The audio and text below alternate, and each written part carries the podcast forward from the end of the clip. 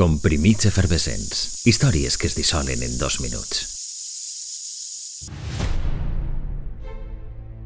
L'any 1967 es va rodar How I Won the War, una comèdia britànica en què va participar John Lennon. En ella, un grup de soldats poca traça tenien la missió de construir un camp de críquet durant la Segona Guerra Mundial. Per al rodatge, l'estètica militar exigia cabells curts, i així comença la història d'avui. Un 21 de febrer, un britànic anònim es gastava 35.000 dòlars en un grapà de pèls de Beatle. Exigències del guió, Lennon es va tallar els cabells a Hamburg, en l'establiment de Klaus Baruch, que, amb visió comercial, va conservar un floc de monyo del cantant. A partir d'ací, tot va ser qüestió d'esperar.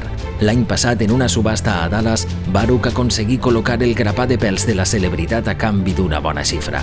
Però el quilo de pèl de Beatle resulta econòmic si el comparem amb altres flocs de monyo il·lustre venuts al llarg de la història. En els anys 40 es pagaren 100.000 dòlars per part de la cabellera del Che Guevara que conservava un dels agents de la CIA que el va capturar, 39.000 pels cabells d'Abraham Lincoln el 2012 o 13.000 pels de Napoleó el 2010. I també hi ha qui el subhasta en vida, això sí, amb finalitats benèfiques, com va fer Justin Bieber, que replega més de 40.000 dòlars. Pels que valen un carrer de bitllets i que més d'un professional de l'estilisme segur que guarda molt en secret per a un dia fer com Klaus Baruch, un 21 de febrer de 2016.